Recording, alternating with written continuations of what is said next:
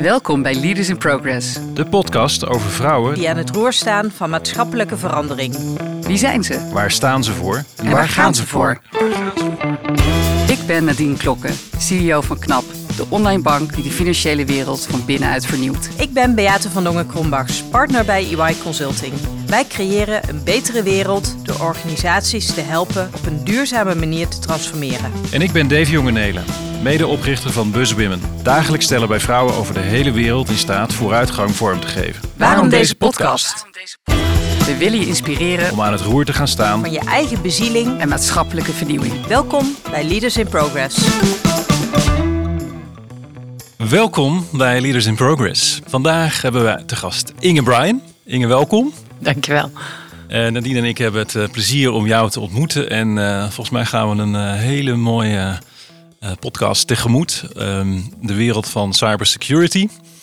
En we hadden al een mooi voorgesprek. En daar hadden we het over eh, dat de ideale wereld niet bestaat.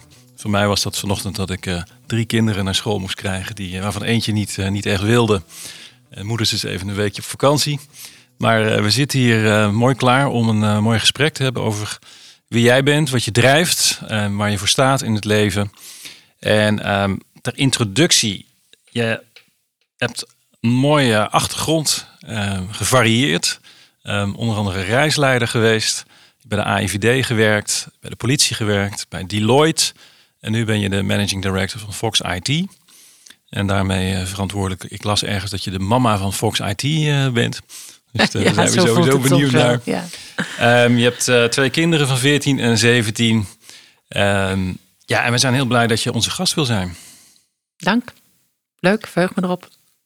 En ik begin met een uh, ogenschijnlijk makkelijke vraag. Maar uh, ik ben benieuwd. En dat is de vraag, Inge, hoe is het om jou te zijn? Uh, dat is um, uh, opwindend, soms vermoeiend.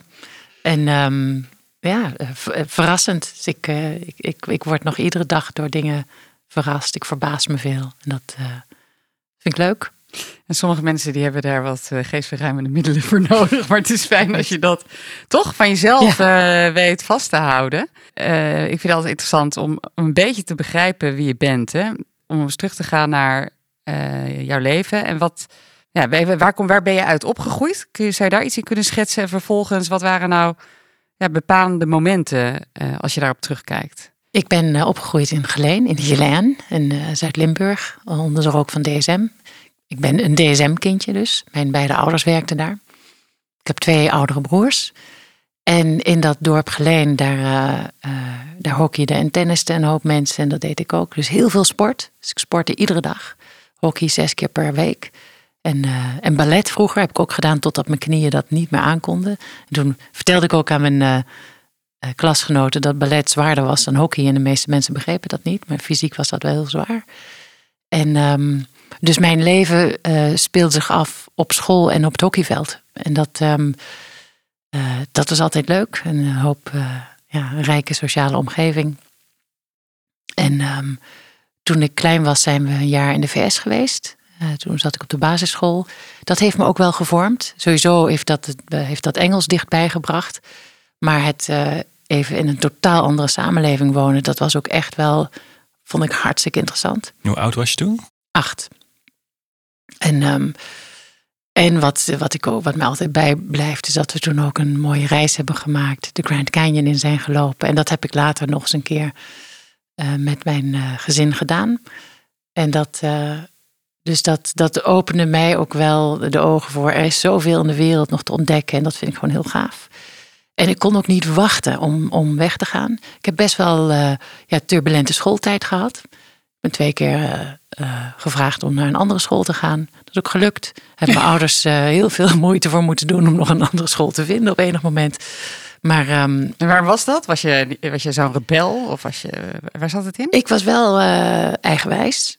En, um, ik, ik, en dat merk ik nu nog steeds. Ik, ben, ik hou niet erg van indoctrinatie. Ik vind het heel fijn om zelf te bedenken wat ik ervan vind. En um, uh, en dat heb ik ook wel gemerkt. Ik, ik vind wel van heel veel dingen iets. Dat is ook wel een issue. Daar moet ik ook af en toe mee ophouden. Want ik kan niet overal wat van vinden. Of kan er wel wat van vinden. Maar dat hoeft niet per se iedereen dan meteen te weten. Maar um, ja, dat was wel, uh, dat, dat veroorzaakte wel wat turbulentie. Maakte ook dat ik uh, niet na de middelbare school nog andere opleidingen wilde doen. Ik heb kort nog een toeristische opleiding gedaan, heb ik wel gehaald. Dat was zo'n tweejarige opleiding en die heb ik in één jaar uh, erdoor geramd. En, daar, en toen ben ik gaan reizen. En toen ben ik vijf jaar alleen maar gaan reizen. En gewerkt als reisleider inderdaad. En daar ben ik nog veel langer mee doorgegaan. Maar um, op een gegeven moment dacht ik, ja, ik moet toch een serieuze baan vinden. Dat is toch weer die indoctrinatie, denk ik. Van je moet toch ergens uh, een papiertje halen en een baan hebben. Het is een soort normenkader wat je voelde. Ja, zeker. Ja, het idee dat ik, dat ik ergens zou gaan studeren, dat was de norm. Dus er was thuis ook wel een duidelijke norm uh, die je moest halen. En, dat, en studeren was daar deel van. En daar, um, dus ik ben na vijf jaar reizen, ben ik uh, in Leiden gaan studeren. Uh, trouwens, eerst nog in Italië een tijdje. En dat vond ik zo leuk. Dacht ik, ik ga geschiedenis studeren in Leiden. Dus dat ben ik gaan doen. En ik ben in de zomer doorgegaan met reisleiderwerk, omdat ik dat heel leuk vond. En ik verdiende er goed geld aan. Dus um, ik ben, uh, dat was in de VS.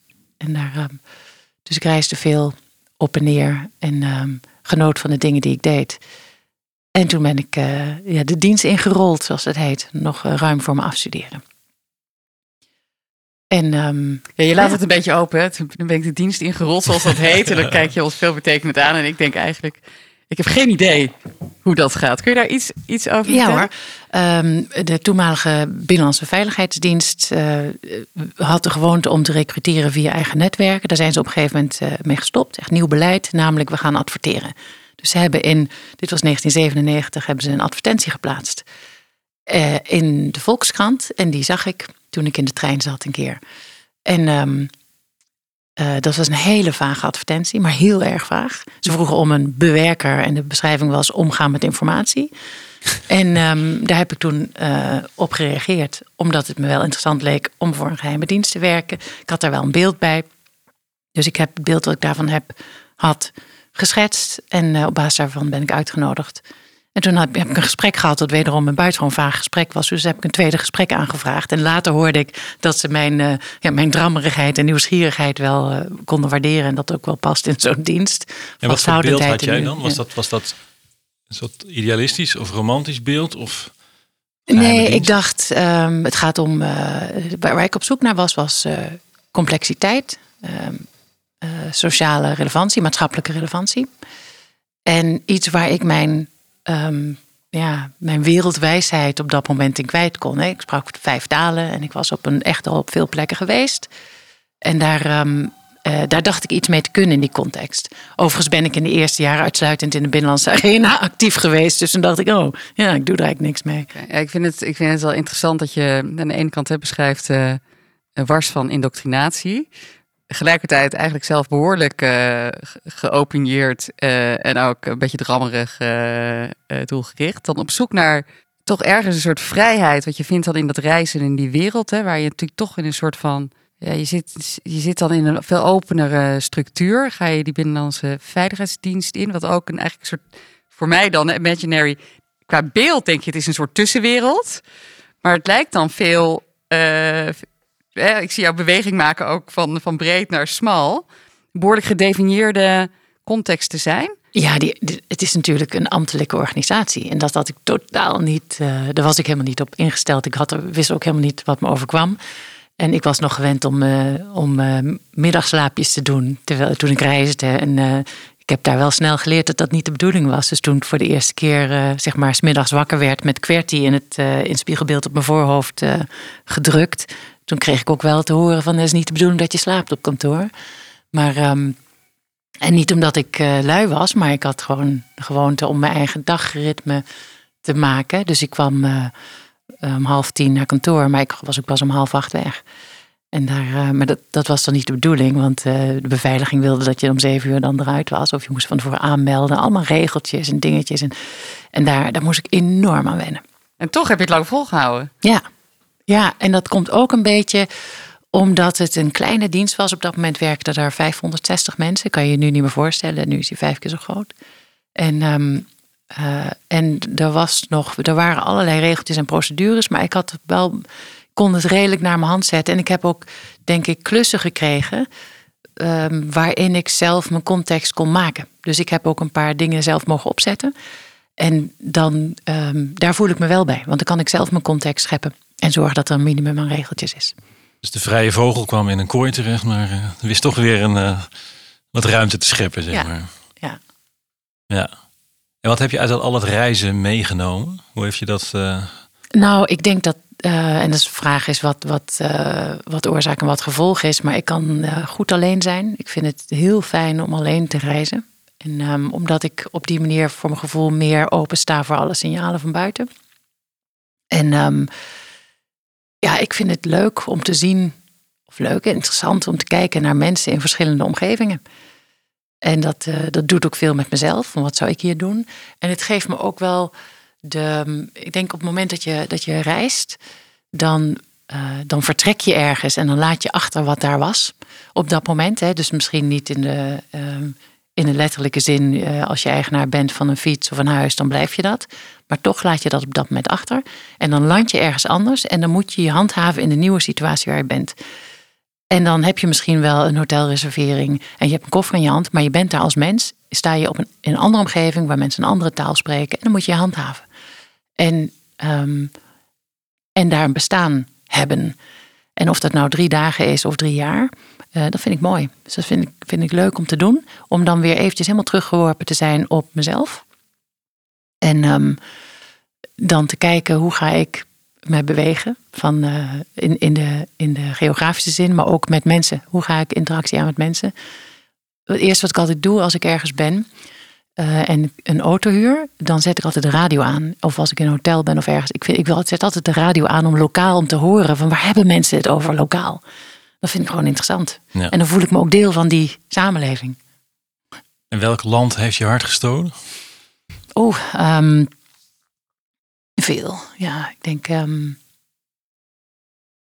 jeetje, dat vind, ik, dat vind ik een moeilijke vraag. Ehm, ja, er is eigenlijk geen enkele die eruit springt. Om, voor mij is het niet zozeer een, een specifiek land. Daar, eh, het is dus de, de, het tijdstip dat ik er ben, dat maakt de situatie. En daar, eh, dus het is niet een specifiek land. Ik heb ook geen favoriet eigenlijk. Het is meer de ruimte in jezelf die je ervaart als je gaat reizen. Ja. Ja. Maar er zijn natuurlijk wel dingen die, ik- die ik prachtig indrukwekkend vond. Hè. Het, Machu Picchu ja, vond ik echt eh, ongelooflijk mooi. Ehm, Italiaanse steden. Eh, die, die middeleeuwse of die Etruskische steden in Italië. Perugia vind ik echt fantastisch. Ehm, ja, en bij sommige, in sommige gebieden... eh, Dat heb ik in Bretagne trouwens ook. Voel, voel ik dat er heel veel is gebeurd. Weet je? Dat er oorlogen hebben gewoed. Of dat er in de natuur heel veel gebeurd is. Dat vind ik ook wel, eh, wel heel gaaf. Ik vind de Grand Canyon ongelooflijk mooi. Daar het is het gevoel alsof je naar de naar een soort kern van de aarde reist. Als je daar loopt. Of op, eh, op het water bent. Ja. Na te denken, is, dat, is, schoonheid dan een, is dat een thema voor jou? Ehm, ja, zeker. Want ik vind, eh, ik kan erg genieten van, van mooie dingen. Ja. Maar dat kan ook een heel mooie, kan ook een dauwdruppel op een blaadje zijn. Ja. En, ehm, maar waar ik van onder de indruk ben, is ook, ja, is ook natuurgeweld. Dus eh, de sporen van gletsjers in valleien, dat vind ik ook wel indrukwekkend. Als je ziet hoeveel natuurkracht er is, dat vind ik ook wel gaaf om te zien. Ja, dus, dus de schoonheid of mooi koppelt aan dan ook erg aan natuur. Ik probeer weer erachter te komen van waarom raakt dat jou zo, die dingen die je nu benoemt? Ehm, ja, dat is een goeie. Daar heb ik eigenlijk niet over nagedacht. Ehm, ik denk dat eh, eigenlijk alles mij raakt. Ik, eh, eh, ja, alles. Slecht weer, goed weer, aardige mensen, minder aardige mensen.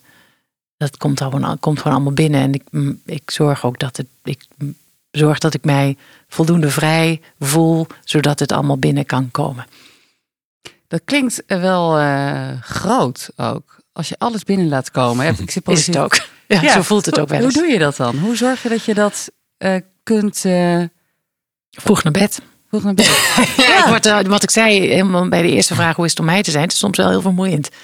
ja. Ik kan er soms ook wel heel moe van worden. Soms kan ik een dag in bed liggen omdat ik gewoon zoveel indrukken te verwerken heb. Dat ik daar, dan wil ik even helemaal niets omheen. Maar is het, ook een, is het ook een vat voor je? Dus put je eruit?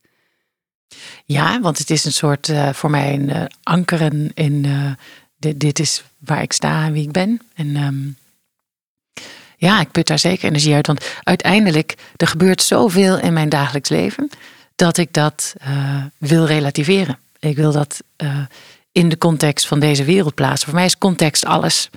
Eh, er is altijd een context waarin je iets plaatst. Dat maakt ook dat ik een heel beperkt geloof hecht aan objectieve waarheid. Die is er volgens mij helemaal niet. Er is een moment. En daar, um, er is een, een observatie in een moment gedaan door een persoon. Of een apparaat. En daar, um, dus dat is, ja, dat, het is voor mij het steeds weer op zoek gaan naar context. En, en daarin ben je in die wereld gestapt die gaat over veiligheid. Waar het, het randje tussen de, de, de, zonkant en de schaduwkant van mensen, denk ik, dat je ook zegt van dat je daar ook mee in aanraking komt, zeg maar van wat heb je geleerd over ja, hoe mensen werken, zeg maar. Want dat je toch steeds kijkt naar wat er ook mis kan gaan of de, de, de gevaren of echt die schaduwkant uh, tegenkomt. Ja, je zegt, het is uh, terecht, denk ik, het is op het randje van zon en schaduw. Ik heb met name de schaduwkant gezeten. En um, daar heb ik inderdaad een hoop wel van geleerd. En um, dus het, het kijken naar wat doen mensen. Uiteindelijk gaat veiligheidszorg in de kern om het spotten van afwijkend gedrag. Daar gaat veiligheidszorg over. Er is een bepaalde norm die we als samenleving hebben geaccepteerd. En dat kan afwijken in goede en slechte zin. En de veiligheidszorg draait om het tijdig spotten van afwijkingen in negatieve zin, zodat je die kan verhelpen. Zodat mensen zich weer veilig voelen of veilig zijn. En uh, daarin heb ik natuurlijk allerlei vormen gezien van, uh, van afwijkende uh, afwijkende, uh, afwijkende gebeurtenissen of gedrag. En, en de, ja, wat, wat ik er denk het meest van heb geleerd is wat eigenlijk wat ik net zei, dat, ik, dat er niet zoiets is als een waarheid. En um, dus, dus, dat is wel een. Uh, dat is natuurlijk voor iemand die in de opsporing heeft gezeten een rare vaststelling. Want opsporing dat is waarheidsvinding. En daar geloof ik eigenlijk niet in. Maar wat je wel kan doen, is wederom die context uh, aangeven. In deze context hebben deze uh, gebeurtenissen plaatsgevonden. En context is ook een juridische realiteit. Of het feit dat wij als samenleving hebben gezegd: dit mag niet. Dat is ook een context. En daar, daarin gebeurt van alles. Uh, en kan je dan uh, handelingen of gevolgen, met name van handelingen, bij iemand brengen? Want het gaat eigenlijk om de gevolgen van iemands handelen. Ja, maar en, het is ook wel ironisch ergens misschien wel van dat voor iemand zoals jij je jeugd schetste en van iemand die niet van normen houdt, dat je ze nu eigenlijk de afwijking op de norm uh, in de gaten ja, moet houden. En het is als je mij vroeger had verteld dat ik ooit bij de politie terecht zou komen, zou ik je heel hard hebben uitgelachen. En daar, um, maar toch is dat ik, ik denk dat het ook goed is binnen de politie om mensen met verschillende blikken daarop te hebben. Dat is ook heel belangrijk. En uiteindelijk, wat ik wel interessant vond, heb ik ook een keer een flinke discussie gehad met een hoop teamleiders bij de toenmalige Nationale Recherche waar ik zat. Dat de finaliteit van de opsporing is niet, is niet het inleveren van een dossier bij het Openbaar Ministerie ter fine van vervolging. De finaliteit van opsporingsonderzoek is het beëindigen van het veiligheidsprobleem. Dat is echt anders. Dat betekent dat je niet 83 orders, ordners hoeft te vullen. Dat betekent dat je voldoende moet hebben om iemand ten laste te leggen. Om te zorgen dat diegene kan worden opgesloten of het gedrag kan worden beëindigd. Zodat het veiligheidsprobleem kan worden opgelost. En als je op een totaal andere manier dat veiligheidsprobleem kan oplossen, hoef je wat mij betreft dat dossier niet eens in te leveren. En dat is ook even zeg maar naar mijn huidige situatie. Nu is, hebben we eh, onder andere het probleem van ransomware daar heb ik ook, ben ik dat gesprek ook aangegaan met zowel politie als inlichtingendienst. Je kan als inlichtingendienst een fantastische informatiepositie hebben op uh, advanced persistent threats, dus uh, statelijke actoren uh, vermengd vaak met criminele elementen, die een hele grote dreiging voor ons zijn. Um, dan heb je een politie met opsporingsbevoegdheden die de bevoegdheid hebben om ergens binnen te treden, iets ontoegankelijk te maken, maar daar zeer spaarzaam gebruik van maken, echt heel weinig. Um, en Um, wat ik zou willen zien, is dat ze die bevoegdheden gebruiken om het veiligheidsprobleem te beëindigen. Samen als nodig en anders uh, apart. Maar ik, vind, ik zie dat onvoldoende terug. En dat is, dat is die context voor mij steeds. Het gaat niet om uh, welk regeltje je waar moet volgen. Het gaat erom dat je met z'n allen hebt afgesproken. Wij keuren een aantal dingen niet goed. Diefstal, moord, dat soort zaken. Dus zorg dat je actie leidt tot beëindiging van dat probleem. Mis je dat als je naar de Nederlandse context kijkt van dat stuk finaliteit van dan waar doen we het uiteindelijk voor? Wat, wat, wat zou het einddoel moeten zijn? Is dat iets wat je, wat je mist? Ja, dat mis ik vaak. Omdat er, ehm, eh, en dat komt ook, ehm, eh, dat is lastig als je bij mij praat, is altijd, is altijd twee kanten aan het verhaal. Er zit altijd een goede kant aan en een slechte. dat er context bij komt. Precies. Er is een, um, uh, we hebben een, een heel ambtelijk apparaat uh, gecreëerd in deze samenleving om, uh, om de status quo te handhaven van de, van de samenleving waar we nu in zitten. En ik zit in een vakgebied waar die status quo per definitie achterloopt bij wat we nodig hebben om veiligheid te brengen. Dus, um, dus is de situatie dat er ambtelijke organisaties zijn die trager werken ja, dan de tegenpartij. En de tegenpartij zijn criminelen. En daar, het is heel moeilijk om daar een doorbraak in te bewegen. Maar omdat die, die tijdspanne zo kort is in de ontwikkeling in cybercrime en de gewone gebruikelijke ambtelijke molen draait, uh, maakt het dat, je, dat de individuele handelingen in die ambtelijke realiteit soms gewoon niet meer te zaken doen. Denk sla dat stuk over, go. Ja. Nu, nu gaan. En ik ben ook heel erg ongeduldig. dus ik begrijp ook dat het niet altijd past. Maar uiteindelijk vind ik het ook de taak van leiders om te zorgen dat de organisatie die je leidt, datgene doet waar je uh, uiteindelijk voor bedoeld bent. Ongeacht alle regeltjes en dingetjes die je daarover hebt afgesproken. Je wil niet weten hoe, hoe ongelooflijk we zelf, wij onszelf in een hoekje kunnen schilderen met regeltjes. Merk ik overigens bij Fox ook. Hè? ook we hebben ook interne regeltjes waarvan ik dan op een gegeven moment denk: waarom hebben we die in godsnaam? Weg ermee. Nou, ik denk dat het best wel een breed uh, uh, verschijnsel is. Hè? Dus dat we eigenlijk van een soort. Ik weet niet of we er vandaan komen. Maar je zou misschien wat meer principle-based willen werken. Dat je in ieder geval nog kunt kleuren naar de, inderdaad, de intentie of het doel waartoe iets zich zou moeten richten. Maar in plaats daarvan zie ik een enorme rule-based setup in de brede zin hè, ontstaan. Ja. Die we ook heel streng reguleren en ook hè, monitoren op acteren. Uh, extreem tot in, in elk detail. En uh, dat is ook compliance, denk ik. Want het woord wordt daar ook een beetje bij. Dat gaat ook niet meer over doe je het goede of het juiste. Wat sowieso, ik denk in jouw definitie bestaat ook dat niet. Hè? Nee, Want ook nee. dat is. En er is ook geen, er is geen waarom en er is geen waarheid van mij betreft. Nee, nee geen goed en geen kwaad nee. waarschijnlijk. Nee, precies. Dus ja, ik herken het heel erg. Maar, maar ik, ik struggle wel met de vraag: als je dan, hoe zou je daar uit moeten komen? Omdat ik denk dat onderliggend er een soort maatschappelijke behoefte is aan deze, ja, ik vind het ook gepercipieerde schijnveiligheid. Uh, dat we onszelf ontzettend druk maken, ja. bezighouden. We denken dat we veilig zijn. En eigenlijk als je uitzoomt, ben je te laat, te ja. langzaam, te weinig bewegelijk. Je verbrandt misschien je geld, je energie op de verkeerde dingen. Hoe komen we daar nou uit? Wat nou, is nodig? Ik denk dat een deel van de oplossing zich al aandient. Er zijn eigenlijk twee, twee lagen in je vraag. Van hoe gaan we daarmee om als samenleving? En wat betekent het voor veiligheid in je organisatie? En om de eerste te nemen, hadden we het net al even over. Um, er is, uh, wij, zijn op een bepaalde manier geïndoctrineerd. En net zoals we dat we diplomaatjes en, uh, en, en een nette baan moeten hebben. Uh, en dat zie je in alles doorwerken. We hebben dus de gewoonte, er is een organisatie, je hebt dus regels. En die indoctrinatie gaat uit van een wereldbeeld wat, wat mij, dat wat mij betreft verouderd is. Het gaat namelijk uit van een wereldbeeld waarin mensen niet handelingsbekwaam zijn.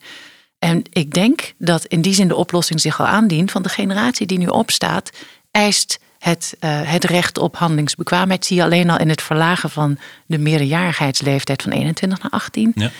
Terecht, denk ik ook. Ik denk dat de generatie die nu aan het opgroeien is, uh, meer uh, bewust is van hun eigen rol en positie in de samenleving, initiatiefrijker is. En dat, dat komt ook door ons, onze generatie. Wij laten ze meer los. Wij laten ze meer vrij om hun eigen ikje te zijn. En ik zie ook dat dus die mate van indoctrinatie een beetje, nou, ofwel begint af te nemen, ofwel de tolerantie daarvoor wordt minder door degene die die indoctrinatie moeten ondergaan. Ik denk dat dat een heel goede zaak is. Dat je namelijk uh, de mensen om je heen beschouwt als uh, volwassen, handelingsbekwame mensen die heel goed voor zichzelf kunnen bepalen wat ze moeten doen. Dat geldt ook voor kinderen. Maar het geldt ook voor medewerkers. Het geldt ook voor medewerkers in een bedrijf. Uh, je hebt tenslotte iemand aangenomen omdat je diegene hoog acht. En dan mag je ook verwachten van diegene dat hij uh, de juiste dingen zal doen. En dan snap ik dat het niet een totale chaos moet zijn. Kaderstelling is belangrijk. Maar je kan ook, ja, ik denk dat we doorgaans doorschieten. Er zijn veel meer regels dan nodig. Misschien is het ook een Nederlands dingetje. Nederlanders zijn ook ontzettend oververzekerd, vind ik ook zoiets. Ja. Om maar tot in de puntjes te zorgen dat het allemaal geregeld is. Dat is natuurlijk totale schijnveiligheid. En dat geldt ook als je dan naar organisaties brengt.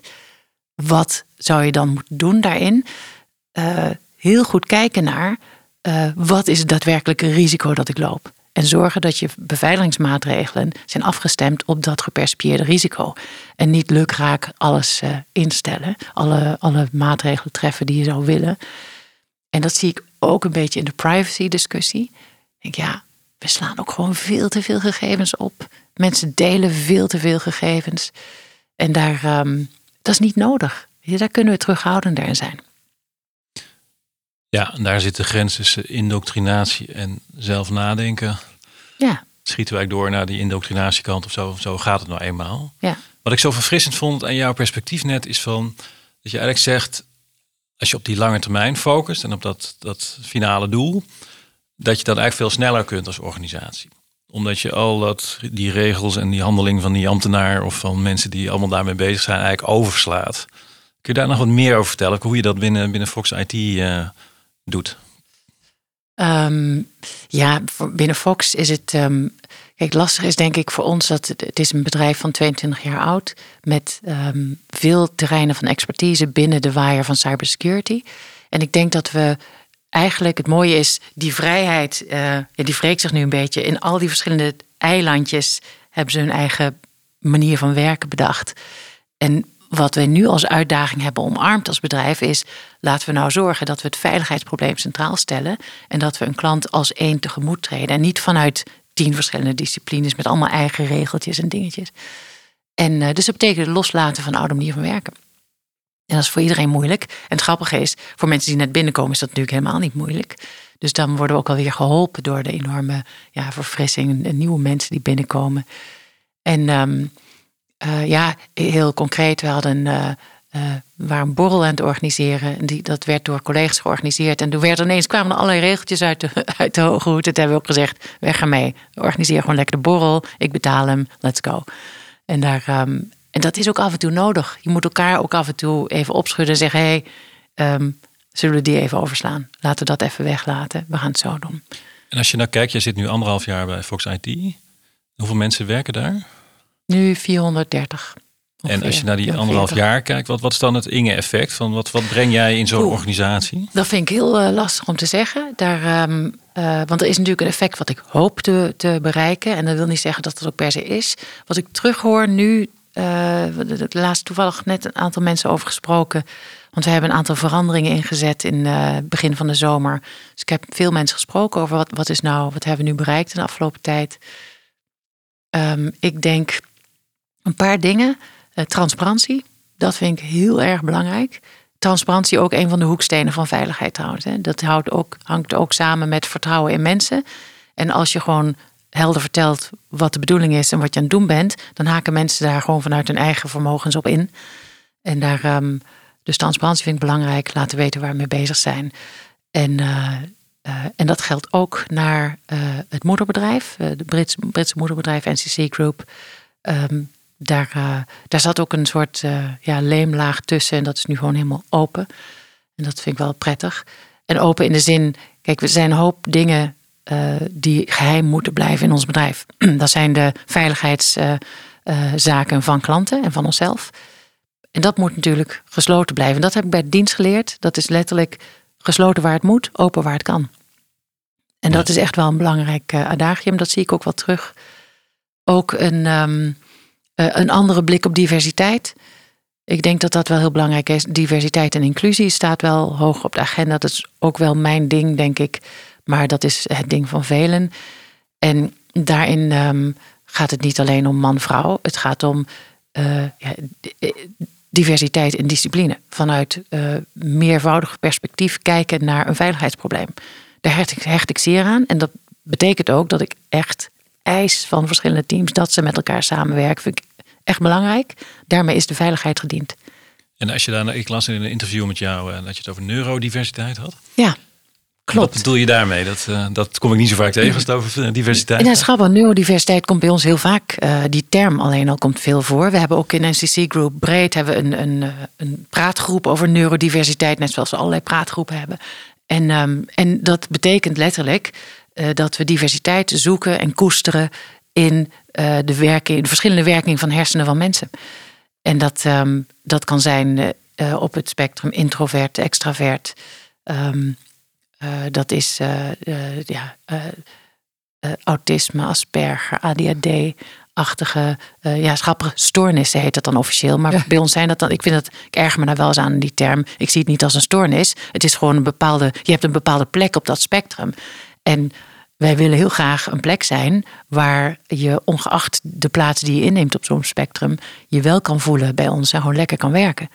En ik vind het ook heel gaaf dat ik bij ons een enorme diversiteit zie. En het is, geldt ook voor mij, ik voel me daar enorm thuis. Ja, mag ik het ook even misschien heel anders wat ontlabelen noemen? Dat je mensen geen, ja. geen stickertje opplakt of ook omdat die, die, die ene objectieve waarheid ook daarin niet, uh, niet past, zeg maar. Ja. Dus je zegt eigenlijk, ik, ik maak het transparant, het effect. Uh, ik zorg voor meer diversiteit. Zijn er nog andere aspecten dat je zegt van dat, dat wil ik graag bereiken? Ja, die focus op veiligheid. Dus um, je kan wel iets specifieks doen voor een klant, maar het moet ook een veiligheidseffect hebben bereikt. En dat betekent dat we dat uh, in alles uh, zoeken. En dat de, de missie van wat we doen ook duidelijk moet doorklinken in alles wat we doen. En wat ik mij ook zo fascinerend lijkt, uh, je bent een private company. En tegelijkertijd kan heel gaat het heel snel over grotere thema's die, die ook de politie of de veiligheidsdiensten aangaan. Hoe werkt dat? Hoe, hoe, hoe zorg je dat je aan de ene kant ben je een commercieel bedrijf en aan de andere kant heb je een groter belang en dat kan de, de nationale of internationale veiligheid uh, kan het dan overgaan? Dat is intrinsiek verbonden met dit vakgebied. Om de simpele reden dat alles wat wij in het digitale domein doen zich afspeelt in het private domein. Onze bandbreedte is privaat domein. En dat betekent dat de overheid zich daar niet vrij op kan bewegen. In veel, veel gevallen mag het niet. En uh, soms kan het niet. En uh, daarmee is ook de veiligheidszorg in het digitale domein ja, de verantwoordelijkheid geworden van private partijen. En de vraag die ik regelmatig opwerp is: is dat wenselijk? Met andere woorden, uh, de privatisering destijds van de telecom, van de netwerkbedrijven. ik vraag me af of dat nu nog opportun is. Dus ik, ik denk serieus dat de regering moet overwegen om de netwerkproviders te nationaliseren. Is natuurlijk, dit is echt, ik zeg het even in twee zinnen, het is vloeken in de kerk natuurlijk. Maar vanuit veiligheidsperspectief vind ik het als burger uh, normaal dat de, de wegen die ik bewandel uh, publiek domein zijn. Als ik al hier op straat loop, dan is die straat eigendom van een gemeente of van een provincie of van het Rijk. En dat is in het digitale domein niet het geval. En dat betekent dat de overheid het basiscontract tussen burger en overheid niet kan waarmaken. En het basiscontract is: er, er is een machthebber. Uh, die machthebber ontfermt zich over jouw veiligheid. En in ruil daarvoor sta je een aantal belangrijke grondrechten af. Onder andere privacy. Dus de, de, het Rijk mag, mag heel veel over je weten. En heeft ook een geweldsmonopolie. In ruil daarvoor krijg je veiligheid. Dat is het contract tussen burger en machthebber. En dat contract wordt niet waargemaakt in de digitale wereld. Want de praktijk is dat je als burger veiligheid moet kopen. En je moet er zelf voor werken. En wat ik nu in de meeste communicatie hoor, ook vanuit het Rijk, is altijd eerst eigen verantwoordelijkheid. Zeg niks eigen verantwoordelijkheid. Definieer maar eens even wat het domein is, wat, wat de garantie is die het Rijk mij verstrekt in het digitale domein ten aanzien van mijn eigen veiligheid. Ik vind dat die balans zoek is. En waarom vind ik dat? Of waarom mag ik dat vinden als, uh, als baasje van een, van een privaat bedrijf? Ja, simpelweg. Uh, ik, ik, hoed over, ik hoed over die veiligheid. En uh, dus ik reken dat op mijn verantwoordelijkheid. En dat zeg ik ook even eerlijk. bijna de helft van mijn um, omzet komt voort uit publieke of semi-publieke instellingen. Dus ik vind ook dat ik daar iets van mag vinden. Sterker, ik vind dat ik er iets van moet vinden. Daar moet wat wat gaat er mis nu en in de toekomst? Als je zegt van eigenlijk zou dat genationaliseerd moeten zijn, omdat dat gaat echt over veiligheid en het contract tussen burgers en, en overheid. Waar ben jij bang voor? Wat zie je gebeuren? Nou, wat ik zie gebeuren is uh, um, de, dat de poldergewoonte die we hebben, het, het verspreiden van verantwoordelijkheid over meerdere entiteiten, dat, ja, dat heeft goede kanten en slechte kanten altijd. En in dit geval leidt het tot een te traag bewegen. Dus er zijn een paar grote ingrepen die we zouden kunnen doen mensen inziens zouden moeten doen in onze digitale infrastructuur, maar ook in de manier waarop wij werken en leven met elkaar. En als je dat uh, te lang aan de, aan de markt overlaat, dan zal de voortgang uh, te traag zijn. En dan komt er ook geen eenheid van handelen. En dat zie je aan de wijze waarop bijvoorbeeld informatieuitwisseling tot stand is gekomen. De uitwisseling van dreigingsinformatie, uh, voor, die belangrijk is voor het monitoren, effectief monitoren van onze veiligheid. Dus dat is de basis waarop heel veel veiligheidszorg in het digitaal domein gebaseerd is. Die komt volledig, nou ik zou zeggen 95% voort uit de private sector. En de wijze waarop we dat met elkaar delen is totaal privaat. Daar heeft de overheid een marginale rol in. En dat vind ik de wereld op zijn kop. En ik zou dat zelf als overheid niet willen. Um, maar uh, goed, dit is de realiteit. Zo is het uh, gekomen. En ik denk dat we, als we daar een sterkere, um, meer coherent optreden, eh, optredende overheid in hadden, dan zouden we nu al tien jaar verder zijn geweest en zouden we gewoon de beste van de wereld zijn geweest. En die kans hebben we gewoon laten liggen. Dus um, wat is het risico? Het risico is vertraging van de voortgang van waar wij staan als samenleving. En dat leidt, uh, heeft al geleid tot een achterstand in onze economie. We hebben een kennisachterstand inmiddels zijn we aan het oplopen. Uh, die wordt niet kleiner. En uh, dat geeft ook een achterstand in onze veiligheid. Denk bijvoorbeeld, wat, wat we hadden kunnen doen, even hypothetisch, is tien jaar geleden zeggen: wij gaan uh, iets met onze crypto-industrie doen. Wij gaan iets, uh, een cloud agreement maken, waardoor wij helder Nederlands bedrijfsleven hebben. Zo gaan wij met onze digitale gegevens om. En dan zouden we nu een stuk minder hebben geleden in plaats van de 10 miljard schade die we per jaar minimaal leiden aan onze economie door cybercrime. Sorry, ik ben heel... Nou, dat zijn, uh, nee, dat maakt, maar het zijn nogal bedragen ook. Hè? Maar dan is eigenlijk zit dan de kern erin dat als je het uh, privaat laat, dat het eigenlijk te gefragmenteerd is. En als je het centraliseert, eigenlijk dat je veel effectiever wordt. Klopt. En dan, uh, de uitvoering mag best decentraal zijn, hè? dat is punt niet. Maar je moet wel ergens overeenstemming bereiken. Dit is onze agenda, dit gaan we doen. En juist die strategievorming is buitengewoon zwak. En het mooie is, er is natuurlijk ook, zijn ook dingen die heel goed gaan. Het mooie is dat inderdaad in de private sector zoveel tot stand is gekomen, waardoor we daadwerkelijk behoorlijk veilig zijn. En een tweede lichtpuntje vind ik uh, Europa. Dus uh, Europese uh, politieke voortgang is hier veel sneller op dan de nationale. Nou ja, waar maak je dat mee? Hè? We hebben altijd, vonden altijd Europa heel erg traag. Nu is het andersom. En misschien is het ook wel oké, okay, want de digitale wereld strekt zich ook niet tot landsgrenzen. Um, ja, en, en hoe, op welke manier breng jij jouw leiderschap in in dit thema? Dus hoe zorg jij dat juist het feit dat we niet daar gekomen zijn waar we hadden willen zijn, dat daar wellicht een. Uh, Drie keer per week met een torentje bellen. Nee, I don't know, ik ben benieuwd. Ik bemoei me overal mee. Ja, ja, ja. ja, ja dus ik zit, nou, ik heb sowieso een enorme hoop nevenfuncties. Maar um, ik, zit, uh, ik denk dat het belangrijkste in deze context, dat is um, het feit dat ik uh, samen met een paar partners uh, het anti-abuse netwerk heb opgericht 2,5 jaar geleden.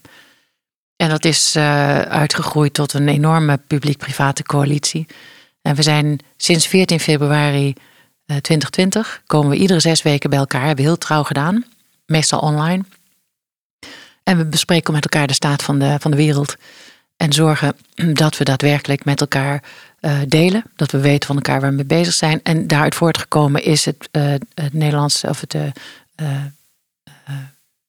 meldpunt Security Nederland. waarin we daadwerkelijk dreigingsinformatie met elkaar delen. We hebben advies gegeven over governance. We hebben onder andere een, een juridische analyse gemaakt van het gebruik van IP-adressen. Dat werd als persoonsgegeven aangemerkt en dat is echt wat ons betreft misplaatst. IP-adressen zijn niet altijd persoonsgegevens. Onze AP vindt dat wel, de rest van de wereld niet. Um, en dat, uh, dat is een enorme belemmering in het delen van, uh, van veiligheidsinformatie. Ik denk dat we die uh, goed hebben weten te tackelen. Maar dat doe je dan dus door eigenlijk een soort coalities te vormen. En dan vanuit daar, echt vanuit beïnvloeding, dit soort zaken dus het is niet heel erg rechtstreeks dat je het debat aangaat? Nou, ook rechtstreeks. Want het, kijk, het prettige is dat uh, de overheid uh, met alle, alle handicaps die ze hebben natuurlijk... wel degelijk de hand uitreiken. Dus ik spreek absoluut wel veel ja. mensen direct en, uh, en word daar ook voor uitgenodigd. Dus dat stel ik ook zeer op prijs. De overheid is echt zeker niet blind, maar, maar haalt ook het bedrijfsleven binnen in die zin om daarmee te sparen. En heeft Ehm, het effect? Zie je dan ja. ook dat er dingen gebeuren? Ja. Zeker, ja. En, daar, ehm, eh, en kijk, ik merk ook dat de overheid het soms ook echt nodig heeft om, om die spiegel te, te, te hebben. En die halen ze ook bewust, wat ik, wat ik ook sterk vind. Dus die feedback zoeken ze ook. En ik weet dat het, het, het bijzondere is dat het collectief is traag, maar de individuen daarin willen ook heel graag bewegen. Dus iedereen wil graag en soms moet elkaar helpen om een, om een doorbraakje te maken. Om te zeggen, nu moet je echt even een tandje sneller of ehm, kijk er ook van deze kant naar. Dus dat, eh, dat werkt goed. En daar, ehm, dus we zoeken elkaar echt veel op en het heeft zeker effect, ja. Inge, even naar het begin vroeg ik, hoe is het eh, om jou te zijn? Toen zei je, het is eh, opwindend, vermoeiend en, en verrassend. het opwindende kan ik me van alles bij voorstellen als ik hoor wat je doet, waar je mee bezig bent. Eh, en ook dat je zegt, ik krijg zoveel dingen binnen, weet je wel, soms misschien wel te veel. En daar zit misschien ook de vermoeiende kant in. Maar als je nou naar de verrassende kant gaat, van, van ja, wat, wat weten mensen eigenlijk niet van je? Of van, eh, Eh, best wel wat, denk ik. nee, dat is trouwens niet per waar. Ik, ik denk, ik ben best wel open. Ik ben redelijk toegankelijk, denk ik. Er is veel, ook veel online over mij te vinden. En, eh, en wat ik zei, ik, ja, ik, ik spreek mij nogal uit over dingen die ik vind. Dus ik heb ook geen verborgen agenda. Dus is weinig verborgen aan. Ik, ik ben misschien wat te impulsief daarin. Dat ik gewoon zeg wat ik ervan vind. En dat... ehm, en ik merk ook, ik word ook best vaak uitgenodigd voor panels en dat soort dingen. Oh, kijk, eh, kijk of ze iets eh, raars gaat zeggen. maar ehm, ja, wat, wat is iets wat, wat misschien niet bekend is? Ja, ik moet heel eerlijk zeggen, daar. eh, en als we je kinderen bellen, wat zeggen ze dan eh, over, eh, over, over mama? dan, ehm, eh, dan zeggen ze dat ik eh, toch eens even moet laten onderzoeken of ik niet autisme heb. En, daar, eh, en dat, dat ben ik ook aan het doen. En, daar, ehm, en mijn dochter die, eh, eh, die zegt, eh, die beschrijft mij als eh, eh, Maleficent. Dat is die, die film over, eh, weet je, de, de boze stiefmoeder van uh, Don Roosje, weet je, Ehm, Malefacta. Met ADHD. En daar, ehm, en als je de film niet hebt gezien, dan kan ik me voorstellen dat je denkt: oeh, als je dochter je ver- vergelijkt met een eh, boze heks, dan is dat geen, niet best. Maar het is een heel mooi, eh, heel mooi mens. Dus, daar, eh, dus ik heb het als een eh, groot compliment ervaren. Een geusnaam. Ja. Ja, en wat, en wat doet eh, voor jou eh, eh, de tijd? Gewoon, de, nee, gewoon het ouder worden. eh, merk je daar nog iets van op, op hoe je naar de wereld kijkt en hoe de dingen tot je komen? Nou ja, tijd doet, eh, vind ik sowieso eh, in, in twee dingen. Het doet iets met mij, maar ik gebruik tijd ook. Weet je, dat is iets wat ik bij veel ehm, dilemma's of uitdagingen zie, is dat mensen vaak de factor tijd uit het oog verliezen. En dat is iets wat ik wel bewust gebruik en inzet. En soms zeg ik het ook letterlijk, dat je, er een oplossing is, maar zeg die moet je even op een andere manier in de tijd plaatsen. Eh, dus timing is everything. En, en dat ehm, heb ik zelf aan een lijve veel ondervonden, omdat ik ook best wel vaak met een idee zat of iets wilde doen, waarvan ik merkte dat de omgeving er gewoon niet klaar voor was. Dus tijd en met name eh, asynchroniteit is voor mij echt wel een groot thema. En ehm, ik voel mij dus ook vaak misplaatst in de tijd. Eh, en meestal is dat eh, in retrospect. Dus dat is wel lastig. Hè, zulke dingen merk je pas achteraf. Dat ik Kun je ik kun je was dat ergens. uitleggen? Ja, dat ik eh, in een, was een, toen ik in, de politie zat, was met een specifiek project bezig. Waarvan ik dacht, ja, dit is toch evident ongelooflijk belangrijk. En mijn omgeving zag het niet. En dat is enorm frustrerend. Hm. En ik begrijp dan ook niet waarom andere mensen dat niet zien. En pas later, als, toen ik wegging, op een gegeven moment toen de politie verliet, toen zei ook eh, eh, de toenmalige eh, chef van de landelijke eenheid van ja, maar weet je, jij bent altijd iets, je bent vooruit in de tijd. We kunnen jou niet bijhouden. En dat is ehm, eh, voor beide kanten frustrerend. En dat is het voor mij zeker ook. Dus in die zin is voor mij ouder worden een zegen. Want dan kan ik meer in achteruit kijken en zien: oh ja, ja, daar zat ik ernaast. Of daar zat ik gewoon echt, probeerde ik iets te doen in een context die daar niet rijp voor was. En ehm, ik hoop dat ik daar nu wat meer oog voor heb. Dus ik merk dat ik daar nu meer oog voor heb, omdat ik er meer rekening mee hou. Je kunt het nu beter tunen, als het ware, op wanneer het past. Door Ja. de inzichten die je hebt gekregen uit dat verleden. Ja, en het, het leidt dus nu tot minder frustratie. Omdat ik nu meer begrip heb voor het feit Ja, dat het kan dat, zijn dat een ja. omgeving daar gewoon niet klaar voor is. En ik merk dat ik dat soms ook zeg tegen een collega van ik snap hè, dat je, je hebt een fantastisch idee, maar we kunnen, dit is nu niet rijp, dit, dit kan nu niet uitgevoerd worden. We zullen daarmee moeten wachten. En ik merk dat ik zelf ook wat meer bezig ben met, met even wachten voordat ik iets ter tafel breng. Denk van nu nog even niet, even wachten. En ik ben heel ongeduldig, dus dat vind ik heel moeilijk. Maar, eh, maar ik doe het wel. En ik vind natuurlijk sowieso als mens eh, mijn eigen lijf, weet je wel, aftakeling, help. Maar ehm, ja, daar heb ik eigenlijk nog niet zoveel last van. Ik sport veel. Ik heb wel net ehm, mijn, eh, mijn ogen laten, in mijn ogen, mijn ooglens laten vervangen. Dat is ook zoiets. eh, maar ja, dat zijn dan de verworvenheden van technologie nu. Dat is toch fijn? Dat is Ja. hartstikke fijn. Die de tand destijds weer een beetje de baas kunnen. Ja, ja interessant. In, in veel van onze gesprekken gaat het over ja, de balans tussen zelfvertrouwen en ook zelftwijfel. En Hoe zit dat voor jou? Poeh, ja, dat is. eh, bij mij zit natuurlijk een, een eh, hele diepe twijfel over de, de adequaatheid van mijzelf. Ehm, Ben ik degene die hier nu op dit moment dit moet doen? En, ehm, en ook in de bredere zin in, in mijn hele leven. Van wat, wat ik nu vind en doe, doet dat er eigenlijk wel toe? En dat, eh, dus die is heel diep. Ben ik een goede moeder? Ehm, ben ik een goede leider voor Fox? Dus die noemde net al als mama. Eh, zo voelt het voor mij wel. Want ik voel me in alle aspecten verantwoordelijk. Tot en met het geluk van ieder individu daar. En als er iemand weggaat, dan, dan ervaar ik dat als een persoonlijke klap. En dat, ehm, eh, dus ik voel me daar heel erg mee verbonden.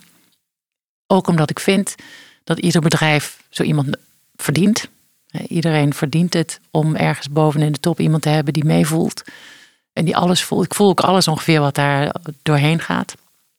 En ehm, met al die ups en downs. En ehm, ja, eh, ja, dus die twijfel die, die voel ik ook vaak. En tegelijkertijd ben ik mij wel heel erg bewust van het belang van een tijdige beslissing.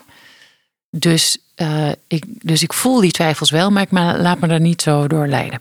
Eh, omdat ik gewoon in het normaal functioneren ook zie in veel situaties, en ik denk dat dat misschien wel meer dan de helft van alle situaties is waar je als professional mee te maken krijgt, is het niet nemen van een beslissing erger dan het nemen van een verkeerde beslissing. Dus tijdig een beslissing nemen, dat is wat voortgang brengt. En merk je dat in die zelftwijfel en dat doe ik het wel goed, doe het ertoe. Merk je daar dat je in de loop der jaren zachter naar jezelf kunt worden? Of, of blijft dat een thema wat, eh, wat terugkomt? Nee, nee, daar word ik niet zacht in. Dat eh word ik misschien harder in zelfs. Ja. Dan Hoe- hoe- daarop koppelend, eh, want de tijd gaat ook eh, snel. Een andere kant dan eh, even opplaatsend. Stel altijd de vraag, wat is nou het grootste compliment dat je aan jezelf zou willen geven? Dus, dus ik vind het wel mooi, want je zegt eigenlijk helemaal de diepste essentie eh, zit er vooral. Hè? Dus twijfel aan, eh, aan jezelf. Wat is, het, wat is het grootste compliment? Dat weet ik niet. Dat weet ik echt niet. Waar word ik blij van? Is, ehm, is als ik zie dat, eh, dat mijn kinderen zorgeloos en blij zijn. En, en dat is ook, denk ik, in, in Fox zo. Als ik zie dat dingen goed gaan en dat mensen zich op een plek voelen en hun talent kwijt kunnen, dan eh, is dat voor mij een soort indirect compliment. Ja, die hoor ik. En de andere is, dat is eigenlijk een beetje een- meer een eh, teaser. Dan kijken, luisteren naar alles wat je gezegd hebt. Hè? Is het dan eigenlijk ook niet het een mooi idealisme van je waar je je tegenaan bemoeit, maar eigenlijk gewoon een lost case? Is het mogelijk? Nee, nee, nee. Nee, zeker geen lost case. Het is mogelijk. En we, we doen het hartstikke goed met z'n allen. En, ehm, en we gaan winnen. Nou, daar is geen twijfel over mogelijk. Ja. Daar zit dan weer geen twijfel. Nee. Nee, dat is heel goed. Het is goed om, Nee. om, eh, om, eh, Ja. eh, om terug te zien. Zijn er nog dingen waarvan jij zelf zegt van uh, dat wil ik nog wel kwijt? Of dat. Ja, misschien uh, helemaal in het begin vroeg je wat heb ik nou geleerd? Uh, ik gaf al aan dat ik, ja, waarheid voor mij niet een ding is. Waarheid en goed en kwaad. Maar ook de waarom-vraag, daar ben ik ook voorbij. En ik kijk wel naar context uiteraard en er is een doel. Maar het enorm jezelf verliezen in waarom-vragen, ja, daar ben ik niet zo van. Dat, daar ben ik echt. Wat bedoel je dan met de Is dat nou, de, de why, waarom doe je iets en waarom, waarom kies je een vak? Ik in ieder geval zeg tegen mijn kinderen, maar ook tegen studenten die ik spreek: doe wat je hartje ingeeft. Doe, doe wat goed voelt op dat moment. En, en volg, als je je hart volgt, kom je ook bij je talenten, denk ik. Dan ga je die dingen doen die je het leukste vindt. En dat vind ik belangrijk om dat te blijven doen. En daar zit ook wat ik net zei over beslissen. Kies een actie. Uh, doe je ding. Ik vind doen heel belangrijk. En het heel erg lang blijven hangen in, in waarom en, uh, en soul searchen. Uh, ik denk dat dat verspilde energie is. En ik vind het ook zonde om mensen daarin te zien blijven hangen. Volgens mij is er helemaal geen waarom. Wat telt is wat je doet en wat je, wat je acties zijn en hoe je anderen tegemoet treedt. Hoe je elkaar behandelt, um, hoe uh, of je een lach met elkaar deelt of een chagrijnige blik. Uh, of je elkaar een kans gunt. Of je iemand de hand uitreikt. En als je zelf het goed doet, pak je, kijk je dan om en trek je iemand mee omhoog. Dat zijn de, de dingen die ertoe doen. En niet alle uh, geweldig hoogdravende boeken, vullende verhalen over waarom allemaal. Het interesseert mij niet zo. Het is echt een groot thema in de, in de boekenkast. Hè? The why, the why, the why. Precies. Een miljoen uh, ja. Ja. En denk ik, uh, knik er al die boeken weg en ga lekker doen. En doe goed. Doe goed voor elkaar en, en voor jezelf. Doe goed. Veel mooier gaan we niet eindigen. Nee, volgens mij ook niet. Hartstikke mooi. Hartstikke mooi. Ik, uh, ik, ik ga even een paar dingen noemen die ik zo heb gehoord uh, gedurende het gesprek. Je me af en toe ook zien schrijven. Uh, op zoek naar complexiteit en sociale relevantie eigenlijk vanuit een opzet waarbij je zelf nou, bijna een soort van open bent. Hè? Je beschreef eigenlijk eh, een persoon waar alles doorheen komt. Volgens mij zowel qua eigenlijk wat je met je zintuigen ziet, maar ook datgene wat je voelt. Kwam dat in het laatste deel ook wel sterk naar boven. Dat je daar toch wel heel erg in open staat. Ik vind het knap hoe je daar dan vervolgens ook nog uh, je compoostheid in kan vinden. En ook je dan weer je meningsvorming en, en zelf in kunt blijven acteren. Um, de wereld van veiligheid ben je ingegaan, uh, waar je eigenlijk wil wegbewegen van uh, normatieve opvattingen. En gelijkertijd natuurlijk toch vanuit een normatieve opvatting, de definitie uh, aan het werk bent. Dus het lijkt me nou, af en toe best wel wat schizofreen. Um, de bewegingen, die herken ik ook wel, die je benoemde. De rule-based uh, manier van werken, af en toe effectiviteitsverlies. Ik, ik, herken het bijvoorbeeld in, bij ons uh, kant in het hele KYC gebeuren. Waar we onder regels gebukt in ieder geval de boeven vaak niet pakken. is echt zo zonde van alle effort en energie. Hè? Met all good intentions overigens, want daar zit het helemaal niet op.